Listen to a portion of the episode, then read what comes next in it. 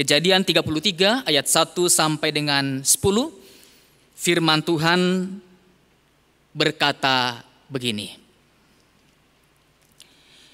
Yakub pun melayangkan pandangnya, lalu dilihatnya lah Esau datang dengan diiringi oleh 400 orang. Maka diserahkannya lah sebagian dari anak-anak itu kepada Lea dan sebagian kepada Rahel serta kepada kedua budak perempuan itu.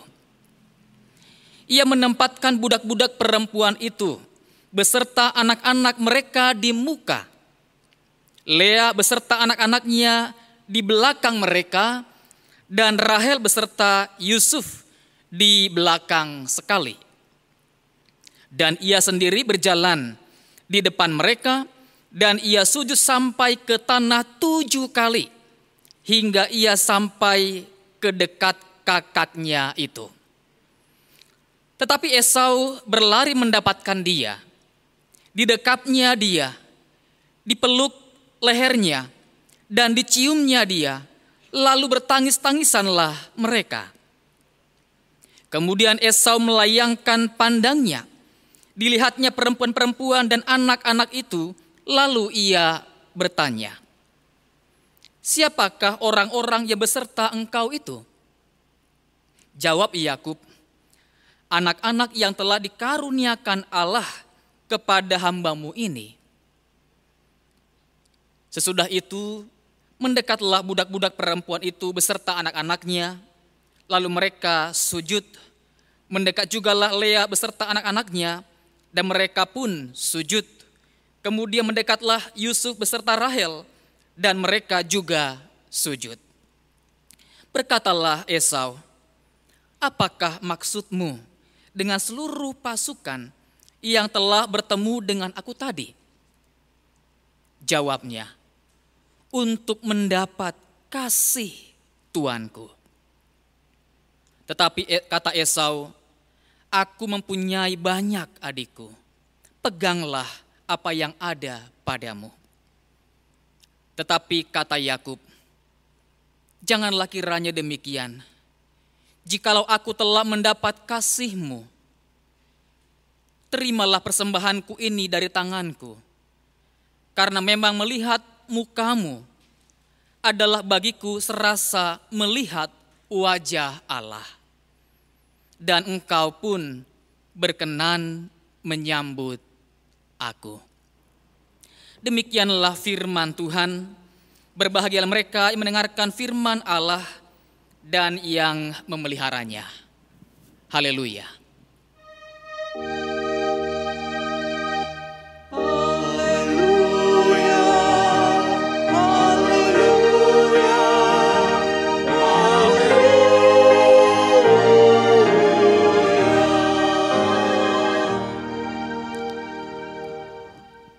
Umat yang dikasih Tuhan, kita akan mendengarkan pendalaman firman Tuhan pada minggu pagi ini yang akan disampaikan oleh pendeta Joas Adi Prasetya.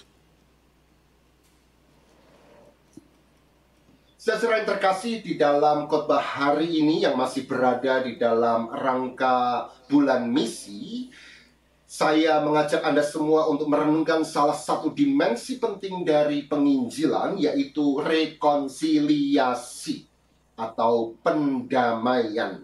Kata rekonsiliasi ini sangat mendalam maknanya. Dia berasal dari kata Latin reconcilium ya, yang terdiri atas tiga kata. Re kembali, kon atau kum bersama dan kalau menyapa atau memanggil. Jadi rekonsiliasi seserah adalah sebuah peristiwa atau sebuah kondisi di mana dua atau lebih pihak itu bersama-sama saling menyapa kembali.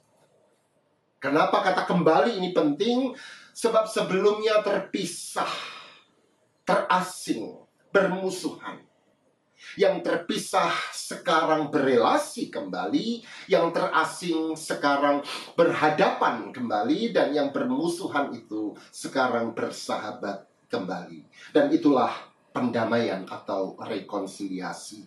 Dan satu dari dimensi misi Kristen di tengah dunia ini adalah bahwa kita dipanggil untuk menjadi agen-agen pendamaian, agen-agen rekonsiliasi. Nah, pertanyaannya adalah rekonsiliasi antara siapa dengan siapa?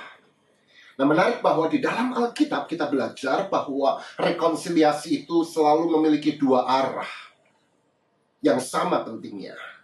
Sama seperti dua palang dari simbol terpenting iman kita yaitu kayu salib. Yang pertama sifatnya vertikal, pendamaian atau rekonsiliasi antara Allah dan kita manusia yang berdosa, tetapi yang kedua adalah pendamaian yang sifatnya sosial yaitu yang horizontal. Pendamaian atau perdamaian antara manusia dengan manusia dan ciptaan yang lain. Anda tidak bisa berdamai dengan Allah jika tidak mau kemudian berdamai dengan sesama dan Anda tidak bisa menikmati pendamaian atau perdamaian dengan sesama jika tidak dilandasi oleh pendamaian dengan Allah itu sendiri. Nah, akan tetapi sesudah di dalam uh, iman Kristen diajarkan bahwa sekalipun rekonsiliasi itu melibatkan dua pihak yang tadinya terpisah namun dipersatukan kembali, penyatuan kembali itu tidak berlangsung secara transaksional. Dia bukan kesepakatan dua belah pihak. Bukan.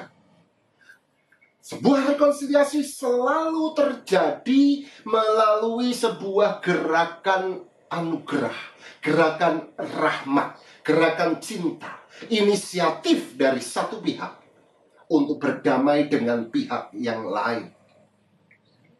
Di dalam perdamaian atau pendamaian yang sifatnya vertikal Allah dan manusia jelas Allah yang berinisiatif terlebih dahulu um, untuk memperdamaikan dirinya dengan kita. Misalnya kalau kita membaca dalam 2 Korintus pasalnya yang ke-5 ayat 18 sampai dengan 19 dikatakan di sana dan semuanya ini dari Allah yang dengan perantaraan Kristus telah mendamaikan kita dengan dirinya yang dan yang telah mempercayakan pelayanan pendamaian itu kepada kami. Sebab Allah mendamaikan dunia dengan dirinya oleh Yesus Kristus dengan tidak memperhitungkan pelanggaran mereka. Ia telah mempercayakan berita pendamaian ini kepada kami. Menarik sekali dikatakan di awal ayat ini, semuanya ini berasal dari Allah. Allah yang berinisiatif Nah, Anda melihat sebuah gerakan rahmat di sini. Yaitu bahwa bahwa Allah yang memulai pendamaian itu. Dan di sinilah sebenarnya intisari dari konsep Kristen tentang keselamatan. Nah demikian juga kita sebagai orang-orang yang sudah diperdamaikan dengan Allah, kemudian diundang untuk berinisiatif berdamai dengan orang lain. Kita dituntut untuk berinisiatif membuka diri dan menawarkan pendamaian itu. Entah orang lain menerimanya atau bahkan menolaknya. Maka apa yang penting di sini adalah bahwa rahmat itu memusat pada satu pribadi. Baik itu pendamaian yang vertikal dengan Allah maupun pendamaian yang horizontal dengan sesama pribadi yang satu tunggal itu tepat berada di antara kedua belah pihak yang bertikai dan pribadi itu adalah Kristus. Hari ini seserah kita ingin menemukan di dalam kisah perjanjian lama walaupun di dalamnya tidak ada secara eksplisit kisah tentang Kristus sang pendamai itu, tetapi prinsip anugerah di dalam Kristus itu muncul juga di dalam perjanjian lama, yaitu ketika kita merenungkan kisah pendamaian antara Yakub dan Esau. Dan kisah ini sangat menarik karena mencerminkan beberapa prinsip penting dari rekonsiliasi yang menjadi misi kita. Dan lebih dari itu, apa yang ditawarkan oleh kisah ini adalah rekonsiliasi dari dua orang yang pernah sangat dekat, Esau dan Yakub. Begitu dekatnya. Karena mereka pernah berada bersama-sama dalam satu waktu sembilan bulan lamanya di dalam perut ibu yang sama. Mereka adalah kembar. Ya. Yakub dan Esau. Jadi mungkin kita uh, Tidak perlu bicara soal pendamaian yang yang harus kita usahakan dengan orang yang jauh di sana. Tapi mulai dengan berdamai dengan orang-orang yang dekat dengan kita. Yakub dan Esau membutuhkan pendamaian. Mereka adalah saudara kembar. Dan kita mungkin juga harus mulai mengusahakan pendamaian itu dengan orang-orang sekitar kita. Entah berapa banyak di antara kita yang perlu pendamaian itu dengan anak kita, dengan orang tua kita, dengan kakak kita, dengan pasangan hidup kita, dengan orang di kantor kita, dengan tetangga dan sahabat kita, orang-orang dekat kita yang dengannya relasi kita sudah rusak dan dan hari ini kita mau belajar bagaimana kita diundang untuk berinisiatif mengadegankan rahmat Allah itu untuk mengusahakan pendamaian. Dan itulah misi kita. Dan saya ketahuilah bahwa sebagian besar dari kita uh, tentu mengenal kisah perseteruan dari dua saudara kembar ini Yakub dan Esau Singkat cerita, Yakub mencuri hak kesulungan yang dimiliki oleh Esau dengan menukarnya dengan uh, semangkok bubur kacang merah. Lalu dia melarikan diri dan tidak berjumpa dengan Esau kakaknya itu selama berpuluh-puluh tahun. Dan teks kita di dalam kejadian pasal yang ke-33 ini berkisah tentang perjumpaan mereka untuk kali pertama setelah berpuluh-puluh tahun. Nah, sejak kejadian 32 kita membaca bagaimana Esau yang berinisiatif untuk menjumpai Yakub, bukan Yakub. Esau yang memberi kabar bahwa dia mencari adiknya. Adik yang sudah mencelakakan dirinya ini. Dan di dalam ketakutan Yakub yang bersalah kepada kakaknya ini berusaha mengelak dengan seribu satu cara, dengan seribu satu trik.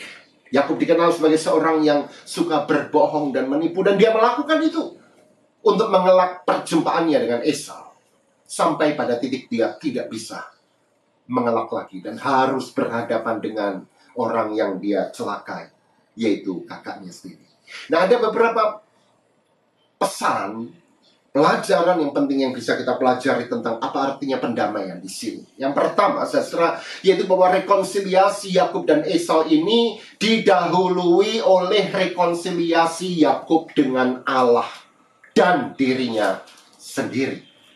Kalau Anda membaca dalam satu pasal sebelumnya di dalam kejadian 32, khususnya ayat 22, sampai dengan 32 dikisahkan di sana bagaimana Yakub mengalami rekonsiliasi dengan Allah di tepi sungai Yabok. Dia berkelahi dengan Allah. Dan dengan itu dia berkelahi dengan dirinya sendiri.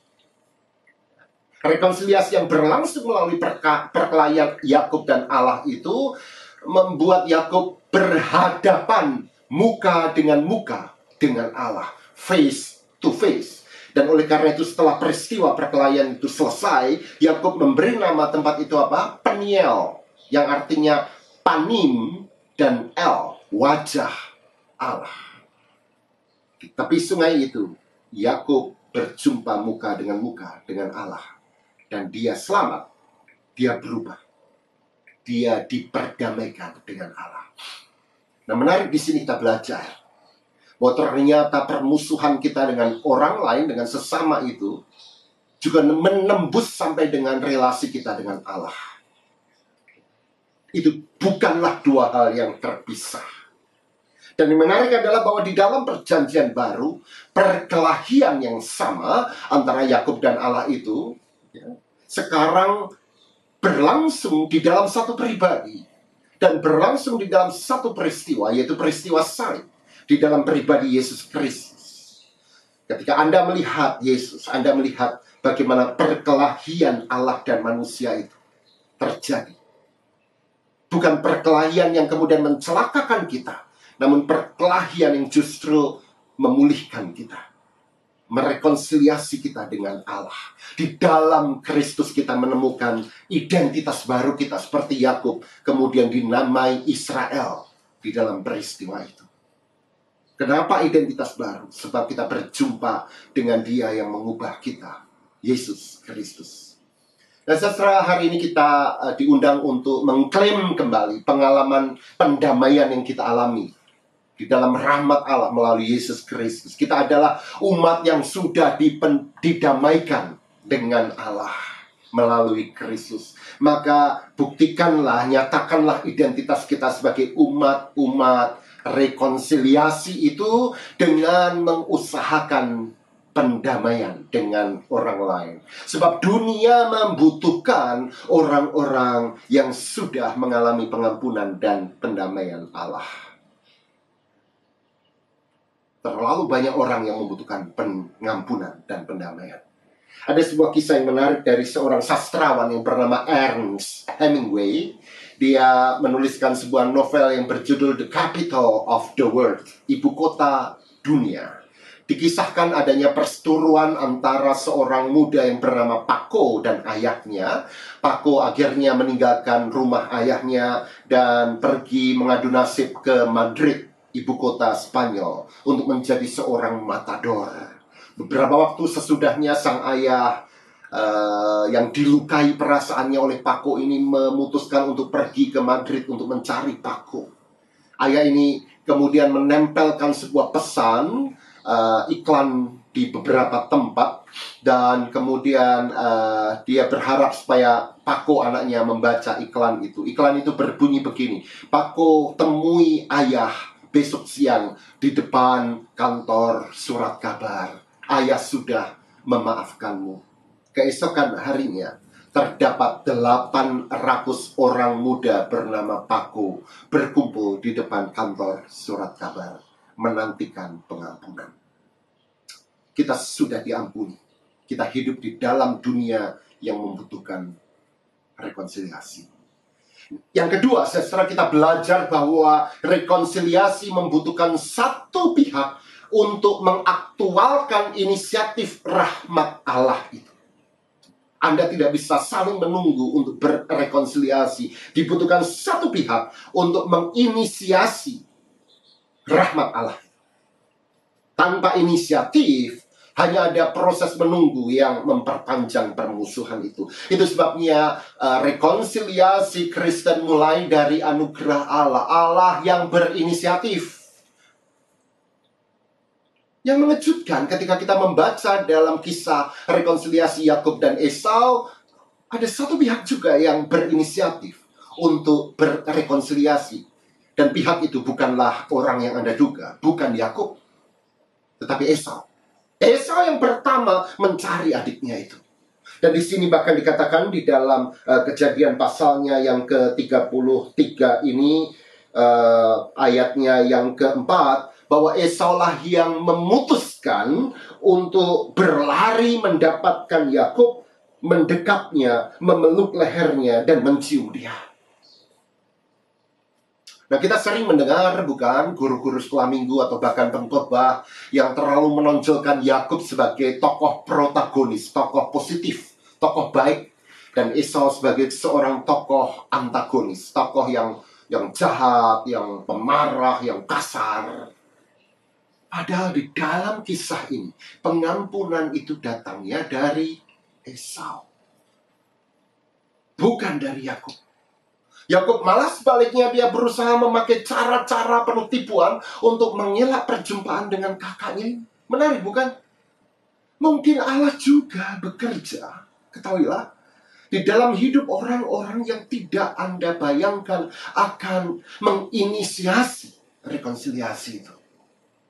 Mungkin orang-orang yang tidak seiman dengan kita. Orang-orang yang kita anggap antagonis. Orang-orang yang yang menurut kita tidak layak dari dia sangat mungkin muncul inisiatif rahmat rekonsiliasi itu. Allah sangat mungkin bekerja di dalam diri orang itu. Dan mungkin sebaliknya orang-orang Kristen adalah pihak yang justru menghalangi terjadinya rekonsiliasi itu. Apa yang kita pelajari jelas, dibutuhkan inisiatif. Dan Anda diundang untuk mengambil inisiatif itu dengan kekuatan rahmat Tuhan. Yang ketiga, seserah misi rekonsiliasi dengan sesama terjadi Hanya ketika wajah Allah ditemukan di dalam wajah sesama. Dan ini yang sangat menarik dari kisah rekonsiliasi Yakub dan Esau. Hari itu Allah pengampun dan pendamai itu hadir lewat pengampunan Esau bagi Yakub. Dan ayat yang ke-10 sangat mengharukan buat saya. Sebab Yakub sendiri mengklaim bahwa dia melihat wajah Allah di dalam wajah Esau. Yakub sendiri mengklaim bahwa dia yang malam sebelumnya berjumpa dengan wajah Allah. Sekarang dia menjumpai wajah yang sama di dalam wajah Esau. Dikatakan di sini, saya akan bacakan ekspresi luar biasa dari Yakub ini. Karena memang melihat mukamu adalah bagiku serasa melihat wajah Allah. Ini ayat nats kita hari ini. Ya ayat hafalan kita. Karena memang bagiku melihat wajahmu serasa seperti melihat wajah Allah. Nah, terjemahan bebas dari versi The Message, satu Alkitab yang bahasa Inggris yang menerjemahkan dengan bebas dikatakan, When I saw your face, it was as the face of God smiling at me, smiling on me. Ketika melihat wajahmu, seperti aku melihat wajah Allah tersenyum kepadaku. Maka sesudah ibadah ini usai, seserah di dalam keterbatasan kita di masa pandemi ini, jadilah agen-agen pendamaian Allah. Itu misi yang harus kita lakukan. Menjadi duta damai ilahi. Izinkanlah orang lain menyaksikan wajah Allah ketika dia, mereka melihat wajahmu. Bukan hanya wajah Allah yang yang yang marah, tapi wajah yang tersenyum. God smiles in your face. Tapi lebih dari itu juga, berusaha untuk melihat wajah Allah di dalam wajah orang yang selama ini dengannya Anda memiliki permusuhan. Lihatlah dengan mata iman. Wajah Kristus di dalam wajah orang itu. Bahkan lihatlah wajah Allah yang tersenyum di dalam wajah orang itu. Kita hidup di dalam sebuah zaman yang muram dan murung. Terlalu banyak kepedihan, terlalu banyak penderitaan, terlalu banyak kebencian dan kemarahan dan pertikaian. Dunia membutuhkan senyuman Allah yang berkata, I forgive you, aku mengampunimu, aku ingin berdamai denganmu. Kiranya senyuman Allah itu bisa dilihat oleh orang lain ketika mereka melihat wajah Anda. Duta-duta pendamaian itu. Kiranya Tuhan memberkati kita. Mari kita satu dalam doa. Ya Tuhan izinkanlah senyuman Allah, wajah Allah tampil di dalam wajah kami. Ketika orang yang bermusuhan dengan kami, orang-orang asing di sekitar kami, melihat wajah kami. Namun juga berikanlah kami mata batin yang bening untuk melihat senyuman Allah, wajah Allah di dalam wajah sesama kami.